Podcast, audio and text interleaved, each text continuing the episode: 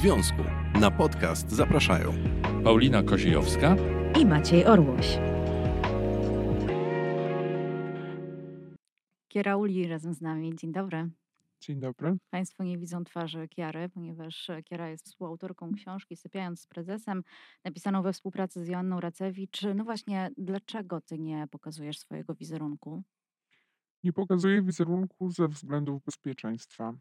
A poza tym w tej książce nie chodzi o to, żeby pokazywać moją twarz, tylko żeby pokazywać twarz tych kobiet, które stały się ofiarami przemocy domowej. I prawdziwą twarz tych sprawców.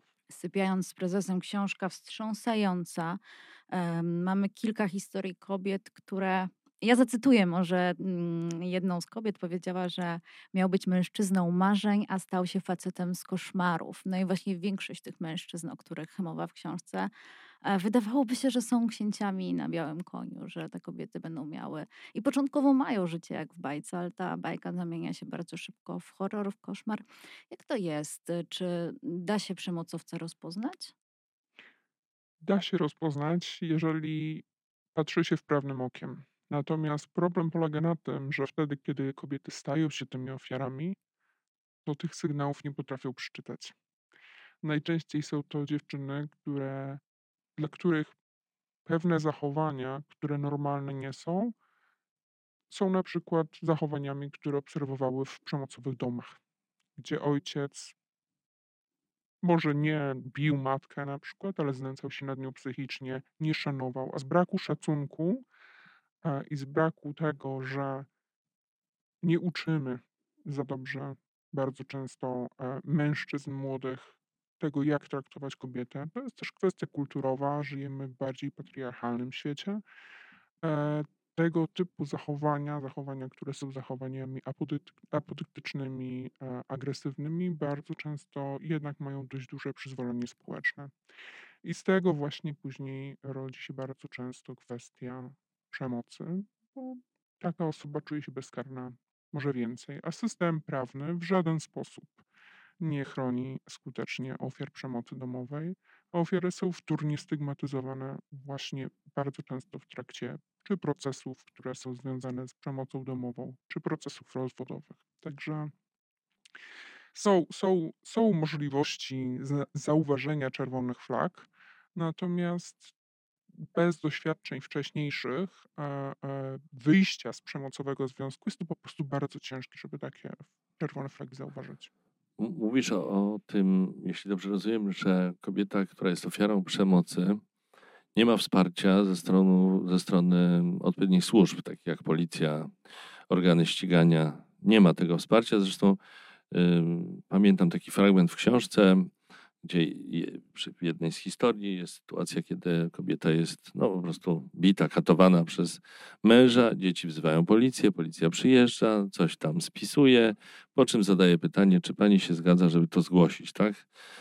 Kobieta odmawia, no i na tym się sprawa kończy. Czyli, czyli nie ma takiego wsparcia, tak? Jest instytucja Niebieskiej Karty, Mhm. która jest instytucją, a, a, która ma chronić ofiary przemocy domowej właśnie w takich przypadkach mocno skrajnych. Natomiast to nie działa tak dobrze. To nie działa nie tylko dlatego, że kobiety boją się to zgłosić, ale nie działa też dlatego, że to są przestępstwa, no bo nazywajmy sprawę po imieniu. No, przemoc domowa jest przestępstwem. To są przestępstwa, które są bardzo ciężko udowadnialne dlatego że najczęściej przemoc dzieje się za zamkniętymi drzwiami. Jeżeli kobieta nie ma tyle siły i odwagi, żeby to nagrać, to najczęściej nie ma żadnego dowodu. Nawet przypadki niektórych dziewczyn są takie, że przychodzą na przykład na policję pobite z siniakami, a mąż mówi, spadła ze schodów. I to jest w tym momencie słowo przeciwko słowu. A sam system w Polsce zakłada, że bo, o, że kobieta taka kłamie. I to kobieta musi tłumaczyć w sądzie, udowadniać rzeczy, które tak naprawdę bez bardzo mocnych dowodów, bez obdukcji, które najczęściej boi się wykonać, są praktycznie no, bardzo ciężko udowadnialne. System nie wspiera tych ofiar, bardzo słabo działa też kwestia e, pomocy prawnej dla ofiar przemocy domowej, a jest takie domniemanie, że najprawdopodobniej kłamie, skoro nie może tego udowodnić. Także No dobrze, ale ta historia, o której Maciek wspomniał, też ma świadków, bo mamy tego chłopca, który e, wzywa policję, ma na rączkach swoją młodszą siostrę i dzwoni po policję. E, Mówi, mamo, ja nie chcę tak żyć. Ja nie chcę, żeby ciebie tak e, tata traktował. Dlaczego ty się na to zgadzasz? I ja się zastanawiam, że policja wychodzi z tego domu i, i co, jakby się nic nie stało? Zadaje pytanie, czy chce pani y, złożyć zeznanie o popełnieniu przestępstwa, o pobiciu i mówi ta kobieta, nie, nie, nie chce. I oni sobie wychodzą? No to są jakieś... Nie rozmawiają z dziećmi na przykład? No właśnie, bo przecież ten chłopiec, skoro zadzwonił, to, to nie jest mm, bardzo Mhm. malutki. Można z nim porozmawiać. Wiadomo, Tak. że dzieci ciężko, żeby były świadkami w takiej sytuacji, bo też trzeba bardzo ostrożnie pewnie z nimi rozmawiać. No ale tutaj może być kwestia mm, zagrażająca nie tylko zdrowiu, ale i życiu tej kobiety, czyli ich mamy. tak, ale niestety rzeczywistość różni się od tego, jak, jak, jak naprawdę to wygląda. No, jak chodzi o kwestie takie, czy się dzieciom wierzy w sądach, dzieciom się nie wierzy w sądach. Najczęściej dzieci nie są przesłuchiwane w ogóle, nie są brane pod uwagę ich zeznania, a nawet jeżeli takie dziecko złoży zeznania, to jest domniemanie, że dziecko jest zmanipulowane przez matkę i będzie opowiadało e, historie, które, które są zasłyszane, a nie zaobserwowane. I ja znam bardzo dużo takich przypadków, gdzie dzieci były świadkami, dzieci zeznawały, bo udało się prawnikom ofiary doprowadzić do tego, że faktycznie dzieci składały zeznania, lecz dzieciom nie dawano wiary, bo na przykład stosowały zbyt wyszukane słownictwo, które psycholog sądowy stwierdził, że no nie przystaje do wieku, bo dziecko w tym wieku nie powinno posługiwać się bogatym językiem. A dziecko pochodziło z rodziny profesorskiej, gdzie oczywistym było to, iż dziecko posługuje się bogatym językiem. E, także niestety rzeczywistość sądowa jest taka, że jeżeli ofiara decyduje się na to, żeby faktycznie na tą ścieżkę sądową wejść, to podlega wtórnej wiktymizacji przez system sądowy, który jej nie wierzy, który a, a, zakłada, że kłamie, zakłada, że jest oszustką, zakłada, że na pewno chce wyciągnąć w ten sposób pieniądze od męża. Więc no, to jest bardzo przykre, że tak wygląda ta rzeczywistość w To Polsce. jest y, niesamowite. Czy, czy pani widzi tu jakąś zależność dotyczącą tego, kto Mieliśmy y, mówić już sądzi? sobie po imieniu. A, y, czy ty myślisz, że to ma jakiś związek również z, z tym, kto zasądza w danej, w danej sprawie? Znaczy, że mężczyźni, sędziowie są bardziej po stronie mężczyzn, a kobiety widzą tę perspektywę kobiety, czy to nie ma znaczenia w ogóle? Niekoniecznie. E, Natomiast problem polega na tym, że to mężczyźni i to sprawcy ofiary, e, sprawcy przemocy domowej e, mają najczęściej więcej wpływu. Te osoby, o których ja tu piszę w książce, ci panowie, których opisuję, to są panowie z pierwszych stron gazet. To są bardzo znani politycy. To są, to są biznesmeni z bardzo zasobnym portfelem, którzy bardzo często do walki ze swoimi żonami czy partnerkami, nad którymi się znęcają, wynajmują całe sztaby ludzi, wiele kancelarii prawnych, agencje PR-owe, bo i takie przypadki mam w książce.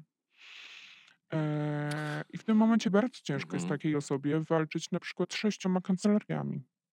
Moja rekordzistka, z którą rozmawiałam, miała przeciwko sobie 12 kancelarii prawnych. A ona była jedna. I nawet nie miała prawnika, bo niestety została bez pieniędzy. Wiesz, ale wydaje mi się też po przeczytaniu twojej książki, że wystarczy nawet jeden mecenas, jedna kancelaria temu mężczyźnie, bo przekupywane są osoby z bliskiego otoczenia. Jest taka historia, którą przytoczę.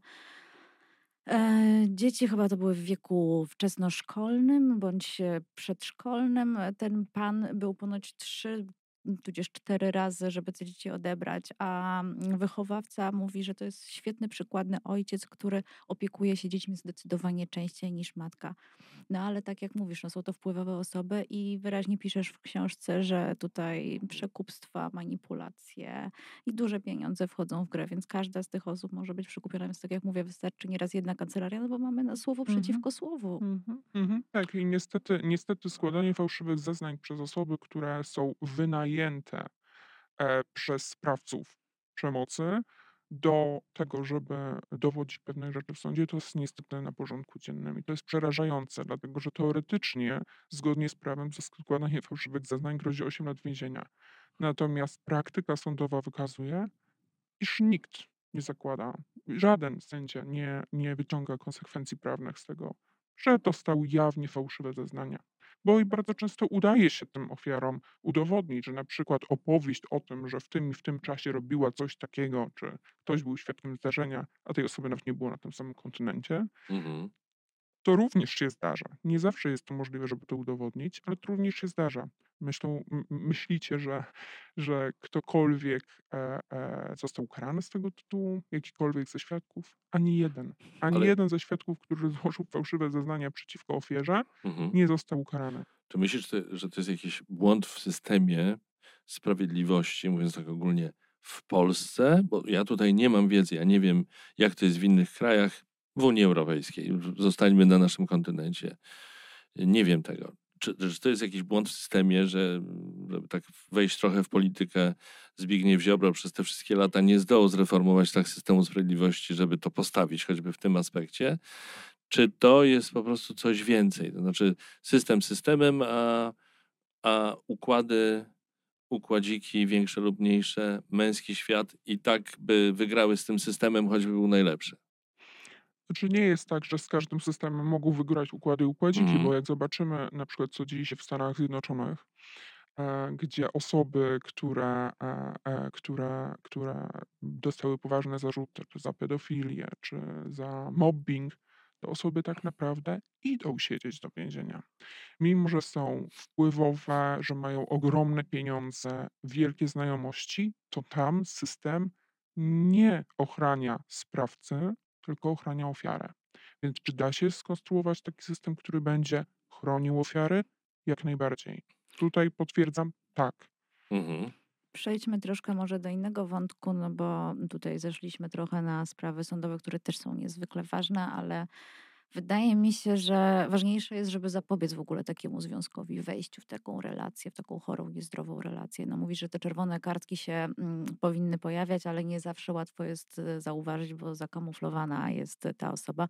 Ale czy przemocowiec sobie wybiera jakieś konkretne typy osób, konkretne typy dziewczyn, bo E, Nie wiem, czy dobrze zauważyłam, ale dla mnie są to w większości kobiety, które były po nieudanych związkach, nie związanych z przemocą, tylko po prostu, bo na przykład mężczyzna je rzucił, bo się okazywało, że się nie dogadują. E, No i jest taka żałoba po związku, każdym długim. Więc przemocowiec wyczuwa taki słaby moment danej kobiety. Bo też te kobiety często się zarzuca kobietom, to jest no, dużo pytań w tym moim jednym pytaniu, zarzuca się kobietom, że Mm, bo zwykle opisujesz w książce bardzo bogatych mężczyzn, em, którzy mają ogromne pieniądze, tudzież wpływy, władzę, karierę. Więc mówi się, jeżeli poleciałaś na te pieniądze, no to teraz możesz sobie tylko i wyłącznie zarzucić, e, dlaczego nie mogłaś mieć normalnego życia z normalnym partnerem. A co to znaczy normalny partner? Czy pieniądze mają być jakimś e, minusem u, u mężczyzny? No właśnie, bo tu jest wiele wątków i jeszcze ja dorzucę swoje tutaj. Bo, bo, bo gdzieś tam w tym, co Janna Racewicz pisze w swoich mediach społecznościowych, pojawia się wątek rodzin katolickich, że to się dzieje tu, w rodzinie katolickiej, która ma tam jakieś wartości, chodzi do kościoła i tak dalej. Pojawia się wątek pieniędzy, że to mężczyźni z pieniędzmi. Pieniądze równa się władza, pewni siebie. No właśnie, kim są te mężczyźni? I Mhm. wracając do pytania, bo twoje pytanie Jak on- sprowadza się do tego, jak, jak Zacznijmy może, jak tak? oni wybierają te kobiety. Czy to są właśnie kobiety po jakichś nieudanych związkach, które mają słaby moment w swoim życiu, tak? I te kobiety, czy te kobiety są biedne, czy, czy, czy bogate, bo też część kobiet wyniesie po szczeblach kariery. Mhm. Tu nie ma jednej jasnej zasady. Mhm. To znaczy, oczywiście, jeżeli kobieta jest po nieudanych związkach, w gorszej sytuacji, w gorszym momencie swojego życia, to na pewno staje się łatwiejszą ofiarą. To bez wątpienia, bo nagle zjawia się książę na białym rumaku, obsypuje ją kwiatami, zaprasza ją do pięknych restauracji, mówi jej dokładnie to, co ona chce usłyszeć. No i wtedy, jak to się mówi, umarł w butach. Mhm. Wpada w sidła. Wpada w sidła takiej osoby, a później stopniowo, stopniowo. Na początku jest cudownie, na początku jest bajkowo, a potem stopniowo, stopniowo gotuje się tą żabę. Syndrom gotującej się żaby polega na tym, że jeżeli żaba wrzucona do wrzątku, zostałaby wrzucona do gorącej wody, natychmiast z tej wody wyskoczy, bo będzie wiedziała, co to jest. Natomiast jeżeli wodę podgrzewamy stopniowo, to taka żaba się ugotuje. Mhm. Bo nie zauważy tego stopniowego podnoszenia temperatury. I tutaj niestety mechanizm takich przemocowych związków bardzo często wygląda w taki sposób, bo żadna z moich bohaterek, gdyby zerknęła w przyszłość i zobaczyła, kim tak naprawdę jest ten książę, którego sobie wybrała, nie zdecydowałaby się na wyjście w taki związek. Za żadne diamenty, za żadne samochody, wille ani luksusowe wakacje. Gdyby wiedziała, czym tak naprawdę ten związek jest, jak będzie po- upokorzona, często pobita, poturbowana psychicznie, nie zdecydowałaby się na, na taki związek. w Gdyby co? Gdyby, Gdyby co zrobiła? wcześniej wiedziała. O Znaczy, czym, gdyby mogła wiedziała? zobaczyć, Zobaczyć? jak ten związek będzie wyglądał w Aha, no przyszłości. tak, tak, tak. Myślałem, że mówisz jeszcze o czymś innym. No tak, to jest jasne. Że Tak. może mówisz o tym, że gdyby ona poszperała, gdzieś zrobiła jakiś research tak zwany na temat tego mężczyzny, to by zobaczyła, kim naprawdę jest, ale nie to miałaś na myśli. Nie, nie, Bo nie, tego nie, by nie nie. zobaczyła przecież. Tak, gdyby, gdyby, gdyby mogła zerknąć w przyszłość, tak? Nie w Mhm. przeszłość tego Tak, tak, mężczyzny, tylko w przyszłość swoją z tym Mhm, mężczyzną, to na mhm. pewno nie zdecydowałaby się na to. Natomiast jest też cała masa dziewczyn, e, e, moich bohaterek, które opisuję, które nigdy nie były w takiej sytuacji, żeby były poturbowane psychicznie po jakimś złym związku, po jakimś złym rozstaniu. To były dziewczyny, które były ambitne i chciały mieć ambitnego partnera partnera, który chce osiągnąć wiele i zawodowo, i życiowo, jak chodzi o jego pozycję społeczną. Niektóre z moich bohaterek pochodzą z bardzo znakomitych rodzin, znanych rodzin, dużych rodzin biznesowych, który, rodzin znanych w, w, e, e, w środowisku nauki, sztuki, więc takie, takie bohaterki również, e, e, również opisywałam. I w przypadku tych osób im zależało na tym, żeby związać się z kimś, kto również, jak to mówiły niektóre, ma drive'a. Mhm. Czyli z osobą, której, e, e, której ambicje nie będą niższe niż jej, która nie będzie jej ciągnęła w dół. Ale oni też lubią też kobiety z tym drive'em tak zwanym, o którym mówisz, bo jedna z bohaterek mówi, jak mąż znalazł już sobie jej następczynię, że oczywiście moja następczyni jest e, kobietą mm, wykształconą, e, mającą własny biznes, no bo jemu sprawia to satysfakcję, że właśnie taka kobieta się nim zainteresuje, a Mhm. on potem ją uzależni finansowo od siebie, czyli ona stopniowo Mhm. będzie odcinać się od swoich e, zarobków, od swoich własnych dochodów. Czyli tak jak powiedziałaś, ten syndrom gotującej się żaby, czyli krok po kroku, ja to nazywam mm, takim pajączkiem, który swoją pajęczyną tak stopniowo, stopniowo oplata tę kobietę i ona nawet nie wie, kiedy staje się bez pieniędzy. No właśnie, przemoc finansowa to jest kolejny aspekt przemocy, Mhm. który się pojawia bardzo często w książce. E, mam takie mm, cytaty zapisane nawet. O właśnie, mężczyzna, który zarabia 200 tysięcy miesięcznie, bardzo dużo. 300 zł rzuca na stół, masz zarobić na to, na co dostajesz. Mhm. Straszne słowa. Ym, Znaczy daje jej 300 zł. da- daje jej... Mówię, chcesz mieć więcej, masz zarobić, tak? Nie, ma, po prostu musisz masz zrobić zakupy za to, masz A w tym e, sensie, mhm, detergenty, mhm. jakieś różne środki i tak dalej. Po prostu, a druga rzecz odcina mm, kobietę inną od e, środków, e, od swojego konta i mówi nie zasilasz, nie wydajesz, prawda?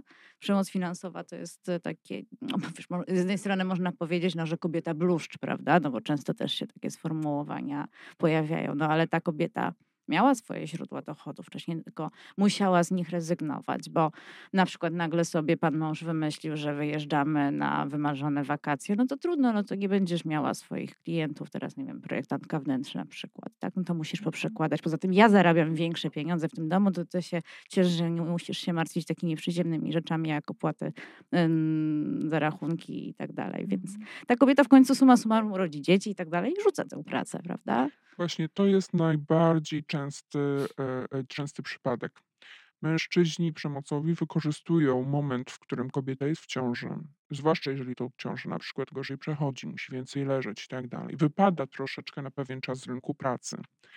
Wykorzystują ten moment na to, żeby powiedzieć, a po co ty będziesz zarabiać te marne grosze w swojej pracy, jak ja zarabiam tak dużo. przecież ja cię kocham, jesteśmy razem, jesteśmy rodziną, zajmij się dziećmi. Najlepsze, co możesz dać dzieciom i rodzinie, to to, żeby dzieci wspierać, żeby być dla nich mamą. I bardzo wiele bohaterek decyduje, że no faktycznie, no tak, to jest moje powołanie, czuję się, czuję się dobrze, dając z siebie wszystko dla mojej rodziny, kocham moją rodzinę. E, I niestety rezygnują bardzo często z pracy zawodowej. Ale to nie jest jedyny przypadek, dlatego że bardzo wiele z tych kobiet, które opisuję w książce, to są kobiety z ogromnymi sukcesami, a w domu niestety zamęczane, tak? Ale z ogromnymi sukcesami Zawodowymi. W, zawodowymi w różnych obszarach, tak? Dokładnie Czyli tak. nie wiem, w polityce, w biznesie, może w polityce mniej W pewnie. polityce nie miałam W biznesie e, pewnie, żadnych tak? zmian. W Tak, biznesie, tak. w show biznesie. Głównie w biznesie, czasami w show biznesie. Mhm. E, osoby, które pracują e, e, jako naukowcy, takie, takie panie też są. Natomiast tak ogromnie wstydliwym jest to, żeby przyznać się, iż jest się ofiarą przemocy domowej, że panie przypudrowują oczy, podbite, podbite lima e, i idą do pracy i mają nadzieję, że dyskusjami, że zachęcaniem do terapii, e, że, że to zmienią, bo że ten oprawca, no przecież kiedyś się kochał, no przecież kiedyś był cudowny, dlaczego, dlaczego to się stało? Więc nie mogą się jakby obudzić z tego, że to jest ich prawdziwa twarz, bo cały czas myślą, że prawdziwą twarzą, którą, którą ta osoba ma, jest ten cudowny, wspaniały człowiek, który ofiarował kwiaty, który Mhm. zapraszał w różne piękne miejsca, który mówił pięknymi słowami. Ale skąd się twoim zdaniem bierze to zło w tych mężczyznach? To jest jakby geneza, geneza, geneza zła, to jest w ogóle Mhm. myślę, że e, temat na zupełnie inny podcast. Natomiast część z tych panów, e, również jak nasz profiler e, opisał w książce, to są psychopaci. Część z tych panów są to socjopaci. Znakomita większość to są narcyzi. A narcyzm to taka troszeczkę choroba XXI wieku. A osobowości narcystyczne to są osobowości, które czerpią przyjemność z dominacji. Trochę taki mamy świat, zwłaszcza męski świat, w którym ten, kto zarabia więcej, ten, kto jest największej ilości okładek, e, e, różnych kolorowych pism, ten, kto ma więcej, nie wiem, followersów, lepszy samochód, to jest gość. To jest człowiek, którego podziwiają inni. A to, jak dochodzi do takiego sukcesu, to już są kulisy. Dlaczego na przykład w mojej książce bardzo dużo sprawców to są politycy? No bo taka jest polityka. Znaczy, to jest zaleta u polityka, jeżeli jest przebiegły, jeżeli, jeżeli e, nie cofnie się przed niczym, żeby osiągnąć sukces. Są pewne zawody, które niejako predysponują do tego, żeby właśnie e, e, i przyciągają osoby, które są albo narcystyczne, albo mają zaburzenia To osobowości. niesłychane. No to myślę, że nie jest to dobra wiadomość, że wielu polityków, czyli ludzi, którzy decydują o losach naszego kraju, to psychopaci, socjopaci, a wszyscy to narcyzi. Znaczy pewnie też nie ma co generalizować. Jak większość, też nie mm, Ale- wszyscy. czytałam ale ja książkę rozumiem, no tak żony Mhm. Konstancina, mm, Eweliny Ślotały. mm, Trudno powiedzieć, świetna książka. No, w takim przypadku no, bardzo mocna. Nie będziemy się licytować, która jest mocniejsza.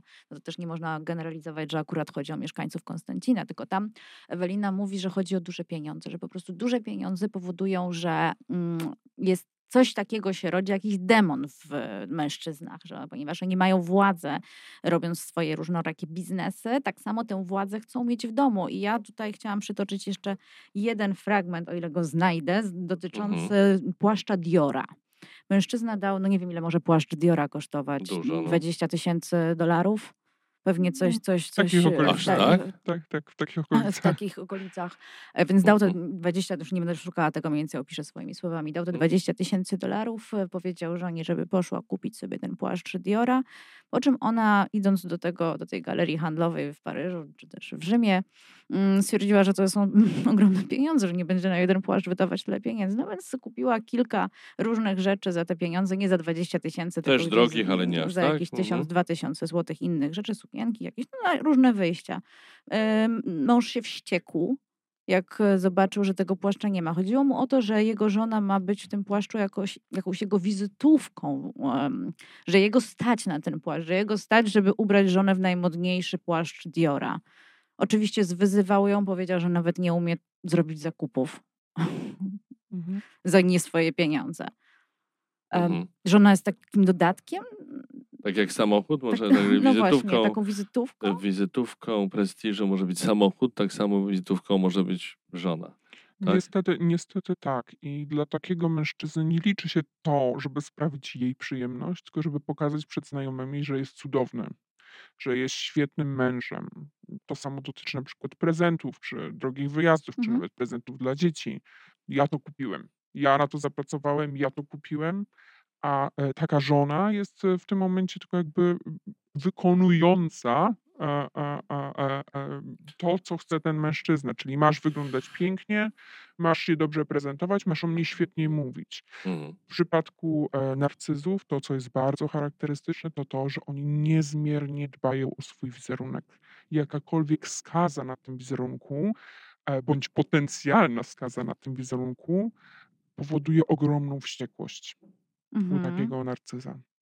Wściekłość taką, która doprowadza właśnie do, do, do ogromnej agresji. Jeżeli jest jakikolwiek sprzeciw, jeżeli na przykład żona powie, że to jest bez sensu, bo ten płaszcz jest za drogi, to sam fakt tego, że ona kwestionuje to, co ten mężczyzna powiedział, że ma zrobić, powoduje ogromną agresję.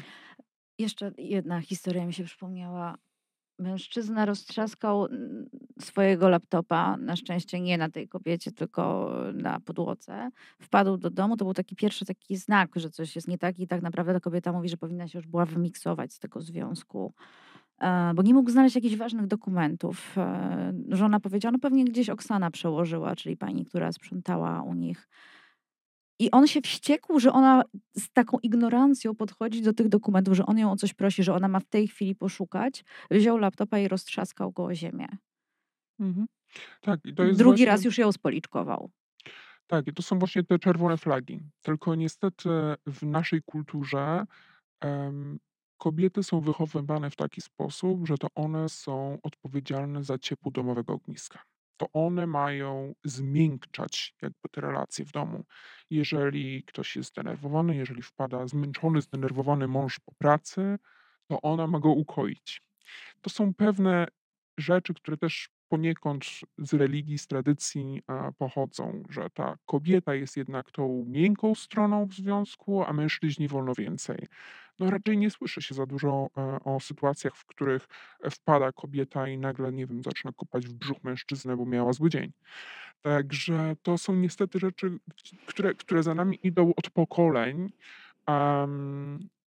Chociaż myślę, że, że, że, że te zmiany będą nadchodzić, bo jednak te nowe pokolenia nie są już, jakby mają szerszy dostęp do mediów i do, do mediów światowych.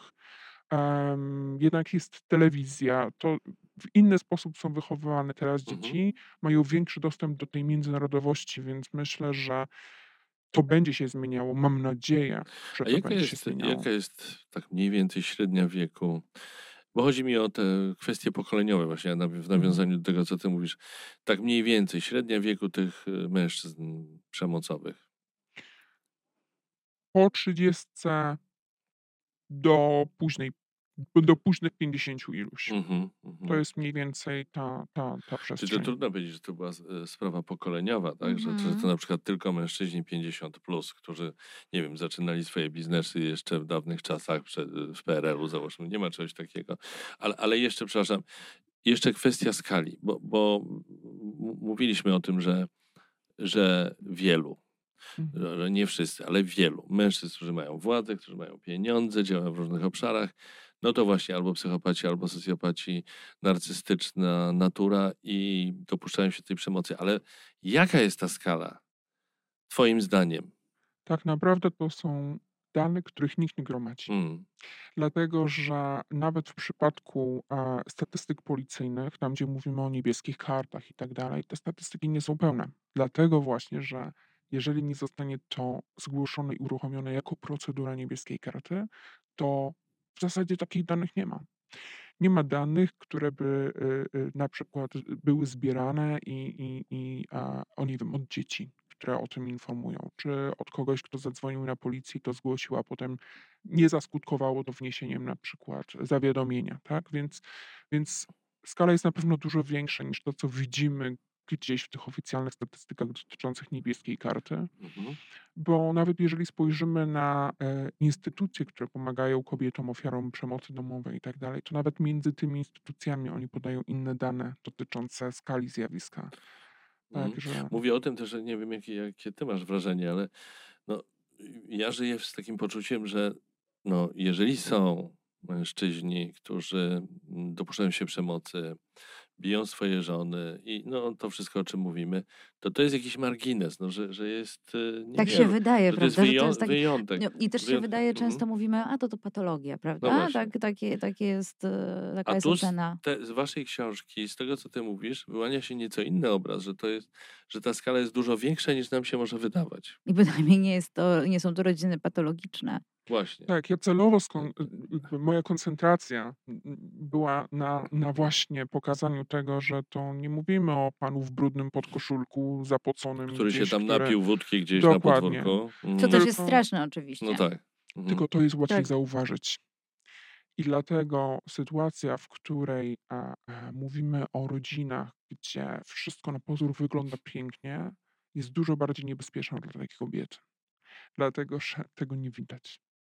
Że to się dzieje za zamkniętymi drzwiami. I to jest, i to jest przerażające. I dlatego celowo skon, skoncentrowałem się na tym, żeby właśnie pokazać, że to nie jest tylko i wyłącznie ta patologia Mhm. e, tylko że przemoc e, e, nie rozróżnia tutaj stanu, stanu posiadania, bo przemoc jest przemocą i przemoc jest przestępstwem, niezależnie od tego, czy odbywa się w pałacu, czy w Melinie. Także Yy, tak, A tak. dlaczego te kobiety mm, nie mają wsparcia wśród swoich rodzin? Bo często Mhm. się pojawia taki aspekt, coś ty zrobiła Dareczkowi, że cię tak skopał. Mówi ojciec, własny ojciec skopanej żony, czyli swojej córki. Skopanej, skatowanej, bodajże była w ciąży też w tym momencie. tak, to jest przerażające. Na szczęście nie wszystkie rodziny są takie. Ale to e, te pieniądze po prostu, bo też no matka mówi przecież kupił ci Mercedesa, nie rób wstydu rodzinie. Tak jakby ta ci będzie, rodzina jakby- tak się ba bała, że będzie jakaś strata, że wszyscy Mhm. stracą, stracą na tym finansowo. Dokładnie, bo część osób, niestety, dla części tych osób, dla części tych rodzin, to, że zostaną zaproszeni na wakacje w Saint-Tropez, stanowi większą wartość niż to, że ach, no skopał, no skopał, no ale żyjesz, no nic ci Każdemu się stało. może zdarzyć, tak? Zdenerwował się, ma Zdenerwował ciężką się pracę, biedny. bo pracuje na ciebie i na twoje dzieci. Dokładnie, a poza tym bardzo dużo niestety jest tego przyzwolenia kulturowego, o którym już wcześniej wspominałam, że mężczyźnie wolno się zdenerwować, że mężczyźnie wolno podnieść rękę. Bardzo często te matki czy te babki również doświadczały przemocy domowej. E, więc dla nich to nie jest coś, co powinno doprowadzić do rozpadu takiego związku, no, no bo co wtedy? A gdzie pójdziesz? Najczęściej jest tak, że czasami matki czy ojcowie mówią: Dobrze, rozumiem, że jest ci źle, e, ale musisz wytrzymać, no bo a, a za co dzieci wyżywisz? No przecież to on ci zagwarantował taki wspaniały byt, którego zazdroszczą ci koleżanki i w ogóle z Dokładnie. nieba Masz, ci masz spadł. wszystko, masz wszystko. No, no czasem jest brutalny, no czasem się zdenerwuje, no przecież kłótnie i konflikty zdarzają się w każdej rodzinie. Tylko problem polega na tym, że przemoc to nie kłótnia i konflikt.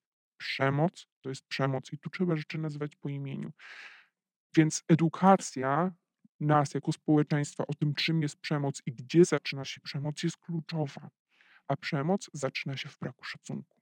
A mm, edukacja też chyba przede wszystkim względem tych kobiet. One powinny, znaczy my, my kobiety powinnyśmy się uczyć, czym jest przemoc, bo w momencie, jak żyjemy w takim no, no, patologicznym związku, bo przemoc to jest patologia, to my się przyzwyczajamy do tego, że wchodzi mąż i mówi: Głodny jestem, zrób mi coś.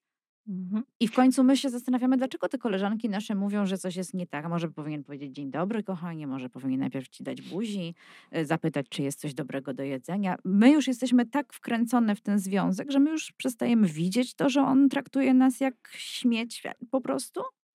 Nie, poza nie, nie patrz na mnie, ja tego w ogóle nie rozumiem właśnie. Nie, gdzieś jak, jak, y, jeśli dobrze rozumiem, to chodzi o te czerwone flagi, jak ty to nazywasz, Tak.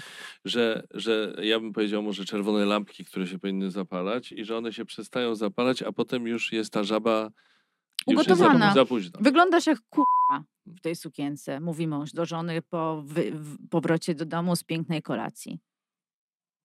zmyj tę szminkę, szmato.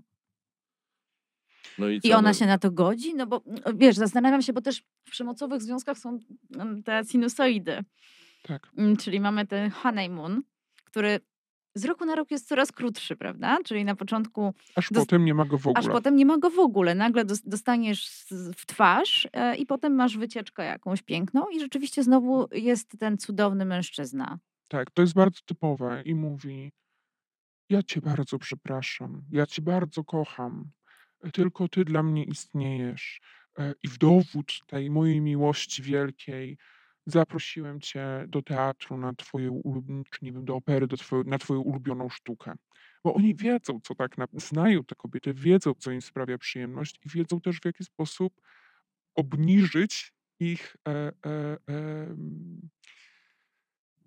poziom poziom gniewu, czy, czy Nawet nie gniewu, tylko nieufności. nieufności. Mhm. Tak, bo na początku to jest tak jak z takim zbitym zwierzęciem, tak? E, Boi się tego, kto, kto je uderzył.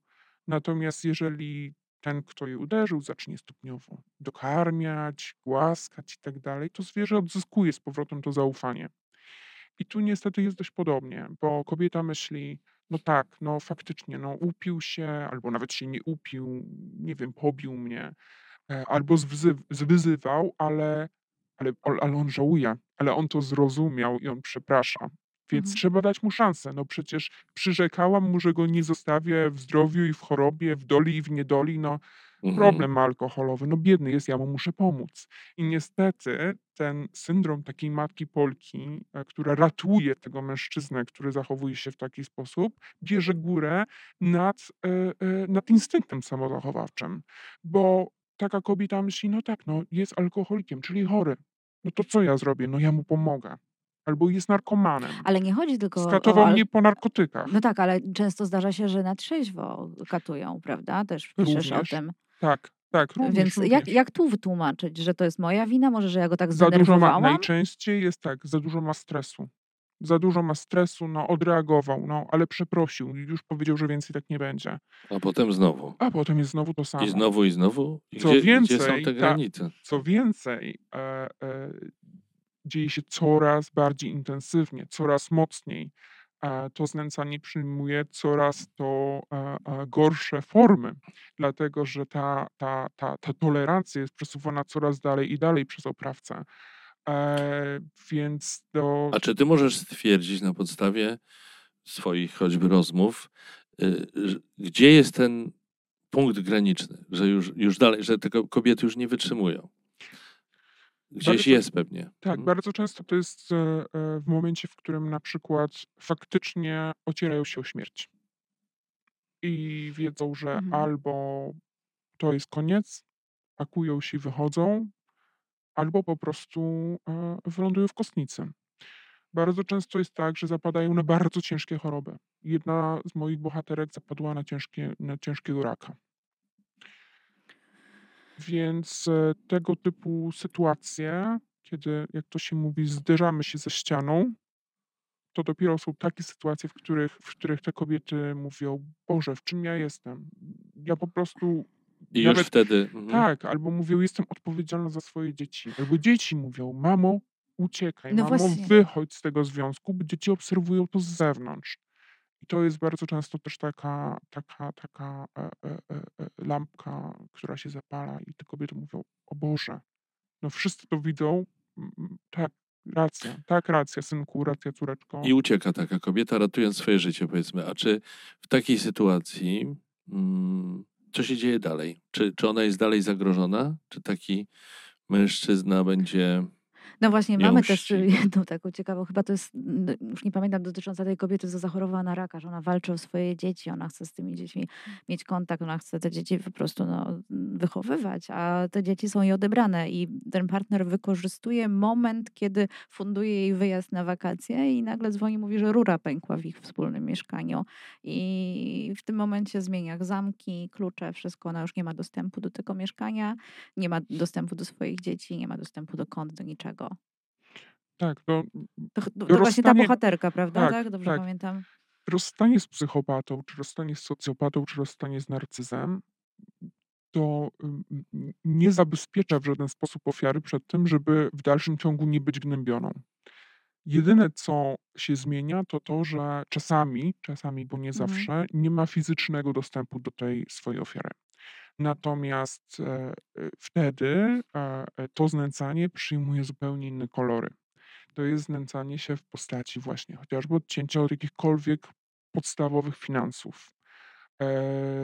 Wyrzucenie takiej kobiety na przykład z domu, z mieszkania, gdzie ona nie ma, no nie ma gdzie się podziać, nie ma za co jeść, nie ma za co ubrać dzieci. To jest sądowe odbieranie takich dzieci matce, dlatego że co sąd bada? Sąd bada, czy są warunki. A jeżeli matka nie ma warunków, dzieci są przydzielone ojcu. To jest rozdzielność majątkowa na ogół? Intercyzy Różnie bywa. No Różnie bywa. Bardzo często jest tak, że owszem jest rozdzielność majątkowa, co daje jeszcze większe pole do nadużyć, dlatego że taki mężczyzna wie, że jedynie on jest dysponentem całej kwoty finansowej, jedynie on posiada ten majątek i ona, jeżeli nie chce z nim być, to znaczy, że nie ma nic. Idzie na ulicę. Ja chciałam przytoczyć taki jeden fragment z takiej awantury, bardzo delikatnie mówiąc, domowej, żebyśmy wiedzieli, o jakiego typu awanturach my mówimy. Wyrwał mi z rąk miseczkę, roztrzaskał ją o ścianę, kaszka spłynęła po tapecie. Resztę pamiętam jak przez mgłę. Mocny chwyt za włosy, owinięte wokół nadgarstka i twarde krawędzie schodów na plecach. Próbowałam się uwolnić, wiłam jak piskosz, ale nie miałam szans ze stukilowym, wielkim i wściekłym facetem. Dowlókł mnie do jadalni, rzucił z całej siły na podłogę i zaczął kopać. Dostałam w brzuch, twarz, w oko po żebrach. Tam najbardziej. Ból rozsadzał mi czaszkę. Krzyczałam. Chyba jednak bardziej skomlałam. Czułam się jak ostatnia ściera. Przyjmowałam już tylko cios za ciosem, już nie miałam nawet siły za obronę. I ta kobieta wybiegła potem za tym mężczyzną go przepraszać.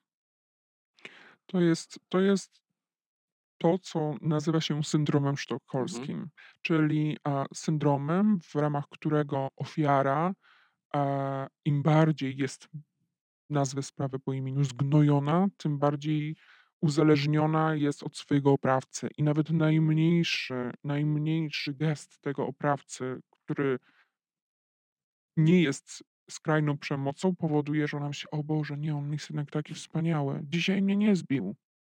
Dzisiaj mnie nie dzisiaj nic nie zrobił. Dzisiaj nawet mnie nie zwyzywał. Boże, jaki to jest cudowny dzień. I e, no to jest opisane w, w, Mhm. w, w nauce, tak? Syndrom sztokholmski to jest coś, o czym też jest bardzo dużo i podcastów i tak dalej. Mhm. E, I to jest to, co najczęściej dzieje się w takich przemocowych związkach, że te kobiety e, te okruszki normalności traktują jak cudowne święto. I jako zapowiedź tego, że teraz już będzie pięknie, bo dziś się nie wściekł. Mhm. I to jest przerażające. Powiedziałaś o tym, że ci mężczyźni to często osoby z pierwszych stron gazet, znane osoby, jak rozumiem, politycy, mówiliśmy, że politycy, ludzie biznesu, ale też sztuki, wspomniałaś o tym. Czy to jest tak, że gdybyśmy dostali listę y, tych ludzi, o których mówimy, to byśmy się bardzo zdziwili? W Nie moglibyśmy przypadkach uwierzyć. bardzo byście zdziwili się. Mhm. A powiedz mi... A dlaczego? Mhm. Dlatego, że dość dużo z tych panów bardzo ma bardzo dobry wizerunek. A bardzo mocno sztaby ludzi pracują nad tym, żeby ich wizerunek był nieskazitelny. Podają się za mecenasów, za dobroczyńców, biorą udział w balach charytatywnych, w aukcjach na rzecz chorych dzieci, a potem wszystko skrzętnie opisują i w mediach, i na swoich mediach społecznościowych, wspierają Ukrainę, e, robią wszystko przed kamerami, tak żeby wyjść na tego dobroczyńcę ludzkości, a w Jest- domu są katami. Ja starałam się rozszyfrować e, niektórych mężczyzn. Wiem, że imiona zostały zmienione, ale na przykład historie zostały zmienione. Mamy tutaj historię pewnego reżysera, który e, również był w domu katem, co tu dużo mówić, i to psychicznym i fizycznym. E, zawody też są pozmieniane, że na przykład to nie był reżyser, tylko, tylko operator. Nie, nie możemy się domyślić, czytając tę książkę, bo ja, wiesz, bo to jest tak, że czytasz jakąś książkę, no akurat ja siedzę w show biznesie, więc jak tylko były hi- historie związane z ludźmi show biznesu, to zaczęłam kombinować, kto to może być takim psychopatą. A domyślę się, czy nie? To zależy, jak głęboko twoja wiedza sięga. Jeżeli znasz środowisko, jest szansa, że Mhm. może e, e, byłabyś w stanie stwierdzić, że masz jakieś podejrzenia. Natomiast myśmy celowo pozmieniały e, i personalia, i imiona, i zawody tych osób. E, nie tak, że zmieniałyśmy, że jeżeli ktoś jest politykiem, to piszemy, że jest hydraulikiem oczywiście. Mhm. Natomiast, e, e, natomiast pozmieniałyśmy bardzo dużo rzeczy, żeby, żeby dziewczyny czuły się bezpieczne. Dlatego, że niestety w Polsce obowiązuje jeszcze jedno przedziwne prawo, a mianowicie prawo do prywatności kata jest ważniejsze niż, niż prawa ofiary. Czyli jeżeli mamy takie przypadki, e, niektóre z dziewczyn opisanych w książce mówiły o tym głośno, co się im wydarzyło e, i zostały skazane zostały skazane, przegrały sprawy o dobra osobiste, bo sąd na końcu stwierdzał, że to jest naruszenie prywatności tej osoby i mimo, że wszystko, co powiedziały, sąd stwierdzał, że było prawdą, to jednak nie miały prawa ujawnić informacji prywatnych.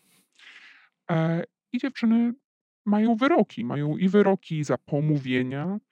E, jeden bardzo ciekawy przypadek, jedna z bohaterek została skazana przez sąd za pomówienie, gdzie sąd w uzasadnieniu stwierdził, że wszystko, co powiedziała, było prawdą, natomiast ucierpiał na tym wizerunek jej oprawcy. E, w związku z tym została skazana karnie. To jest prawda, tak się tego słucha, to jest zupełnie niesamowite. Czyli oprawca jeszcze dostaje jakieś zadośćuczynienie, a Tak. ofiara dostaje karę. Jest, jest Dokładnie tak.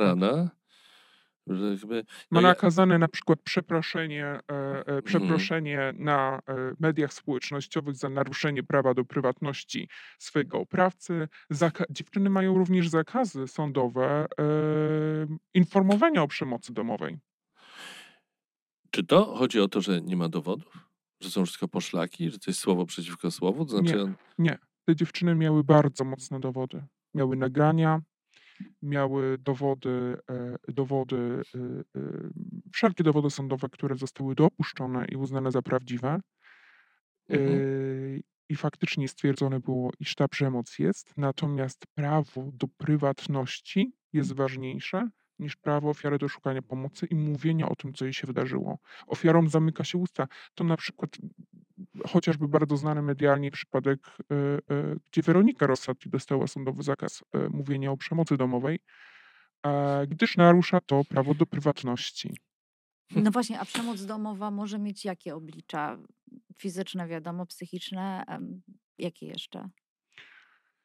Przemoc domowa ma tak naprawdę bardzo wiele różnych twarzy, tak? E, no fizyczne, seksualne, tak? Jest bardzo też dużo przypadków, gdzie ta przemoc fizyczna nie polega na tym, że za przeproszeniem ktoś komuś wybił zęby czy dał po twarzy, tylko e, są to w niektórych przypadkach niektórych pań e, sytuacje, w których w bardzo wyszukany sposób y, mężczyźni znęcali się nad nimi seksualnie. Jakiś BDSM, różne inne rzeczy, więc... Mimo, że one nie chciały. Mimo, że nie chciały, że się nie Mhm. zgadzały, tak? Więc e, taka przemoc również ma miejsce. A nie odzywanie się do siebie, bo jest jedna historia pary, która nie odzywała się, znaczy mąż się nie odzywał do swojej Przez pół żony roku. Wiele miesięcy, Pół roku. tak.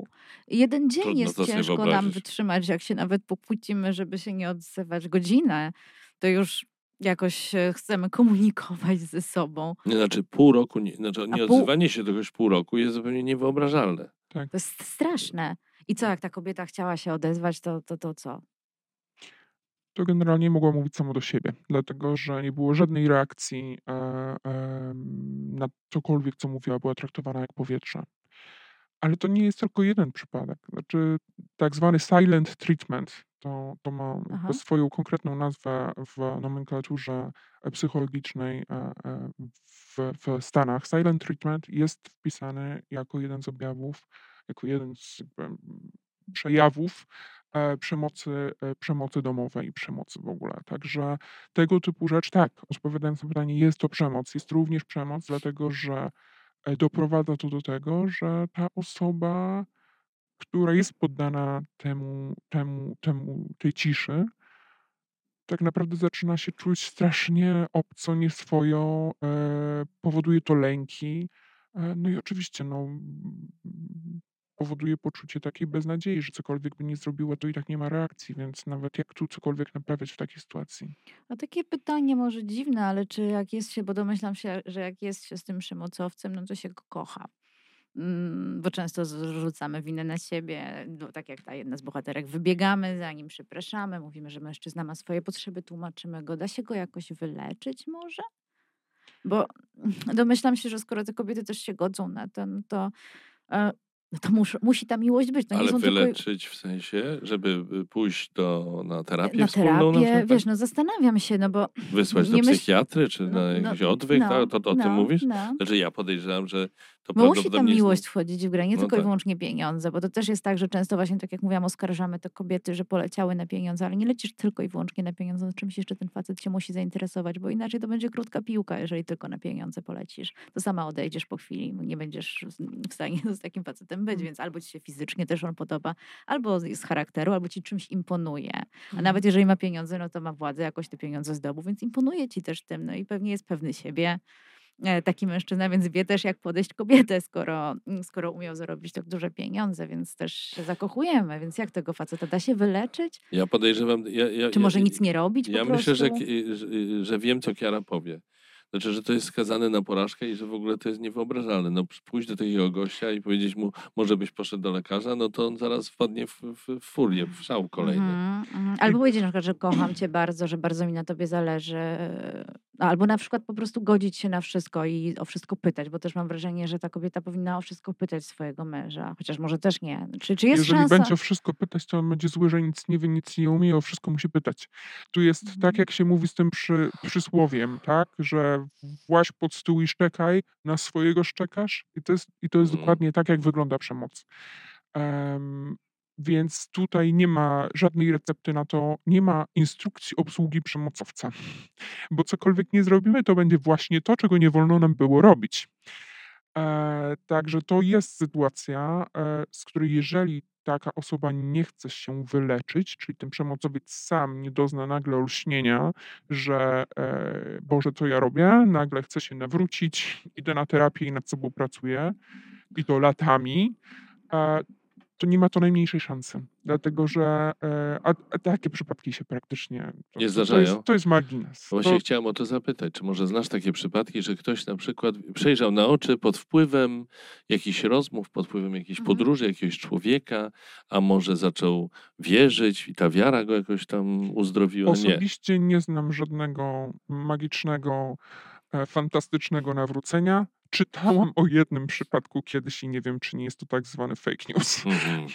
Także, ale wracając jeszcze do, do Twojego pytania odnośnie tego, e, czy to pieniądze. Bardzo często to w ogóle nie są pieniądze. No tak, ale- Dlatego, że y, część, duża część z, Mhm. tych, e, z tych moich bohaterek, które opisywałam, to związała się z tymi panami, kiedy oni nie mieli w ogóle pieniędzy. Zaczynali na przykład w M2, e, w jakiejś kawalerce e, i tak naprawdę dorabiali się wspólnie.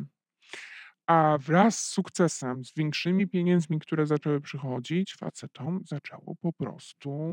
Jak to się mówi, odbijać, Odbijać, ale to mało powiedziane, odbijać.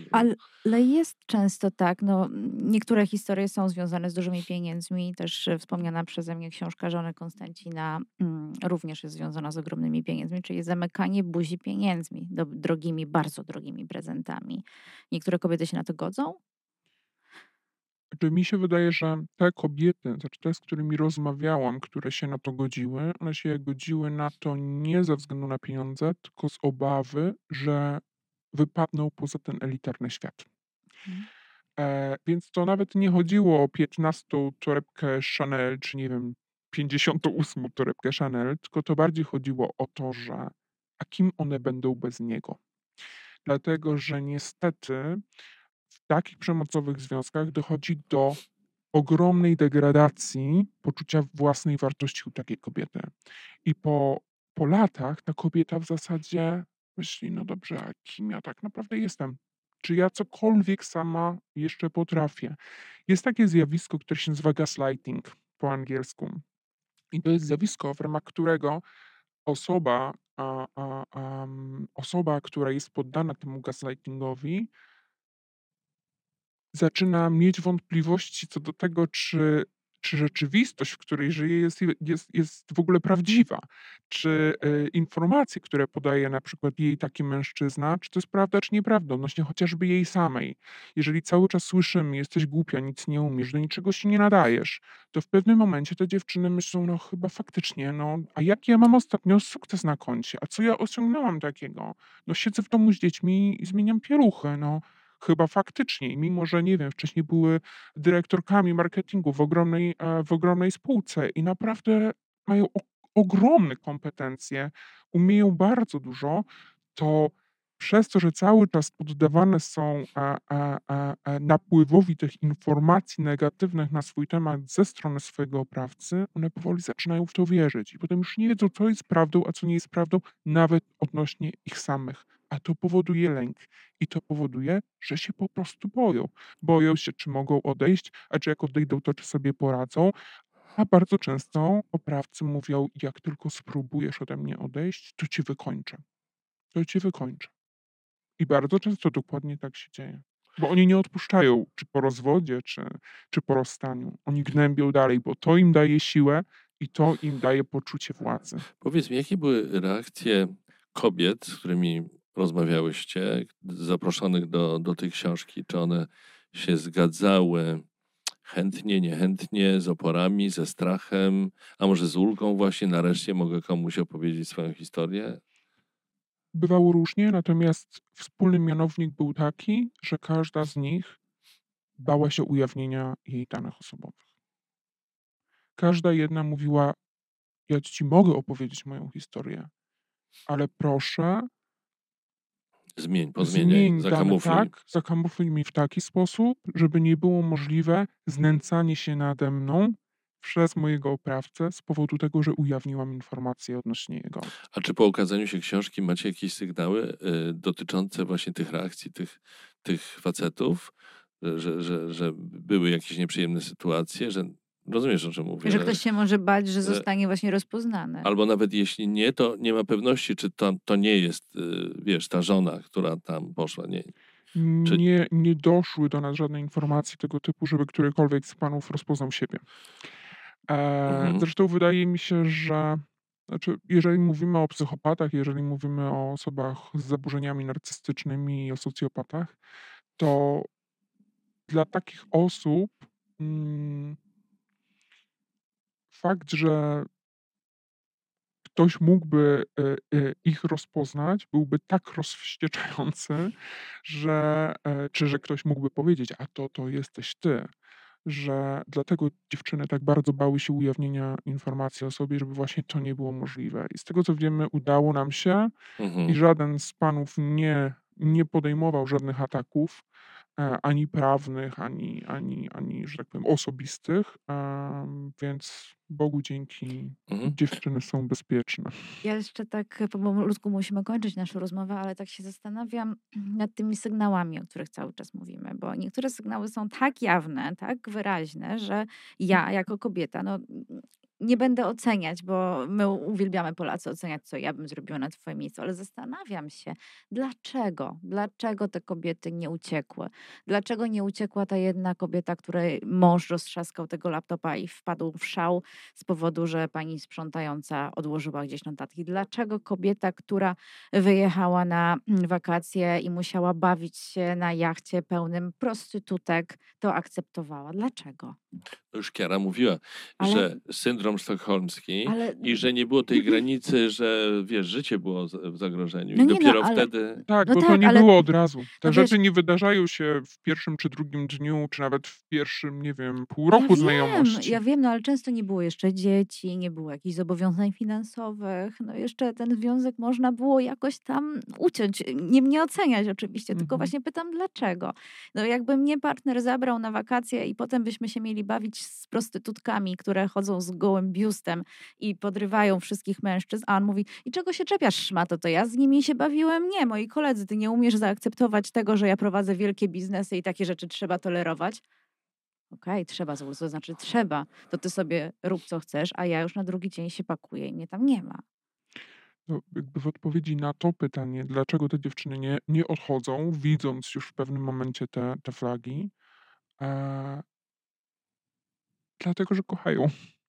Dlatego, że kochają i dlatego, że pamiętają, jak było cudownie i mają Mhm. cały czas w głowie obraz, ten początkowy obraz, który, który oprawca zbudował. Obraz siebie cudownego, szarmanckiego, eleganckiego, a tego typu zdarzenia wydają im się aż prawie nierealne. Znaczy, Boże, no, wydarzyło się coś, co jest po prostu tak absurdalne, że one nawet nie dowierzały w to, co się im wydarzyło. Gdyby nie zdjęcia, które mi pokazywały, to mam wątpliwość, czy same by, czy Mhm. same by jakby stwierdziły, że to jednak tak było, tak? Gdyby nie to, że faktycznie e, e, e, miały do czego wrócić, tak? Mm, Natomiast, natomiast tak, miłość to jest odpowiedź i niestety toksyczna miłość to nie jest coś, co jest wyłącznie, e, że tak powiem, zjawiskiem z XXI wieku. To obserwowaliśmy na przestrzeni tak naprawdę całej historii ludzkości, że czasami ta miłość źle ulokowana tak naprawdę niszczy życia.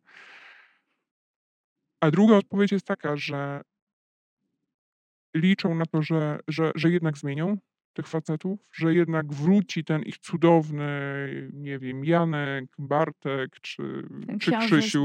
Dokładnie tak, bo przecież skoro taki był, to znaczy, że tak umie, że tak może, tak? No taki był. To nie był ktoś inny, to był ten Mhm. właśnie człowiek, któremu ślubowała, nie wiem, jedna, druga czy trzecia przed ołtarzem. A poza tym nawet formułka, którą e, mówimy, tak, przed ołtarzem pobierając się z kimś i że cię nie opuszczę i w zdrowiu i w chorobie, to jest przyczynek do tego, że kobiety mówią, nie no, chory jest, no po prostu chory, muszę mu pomóc.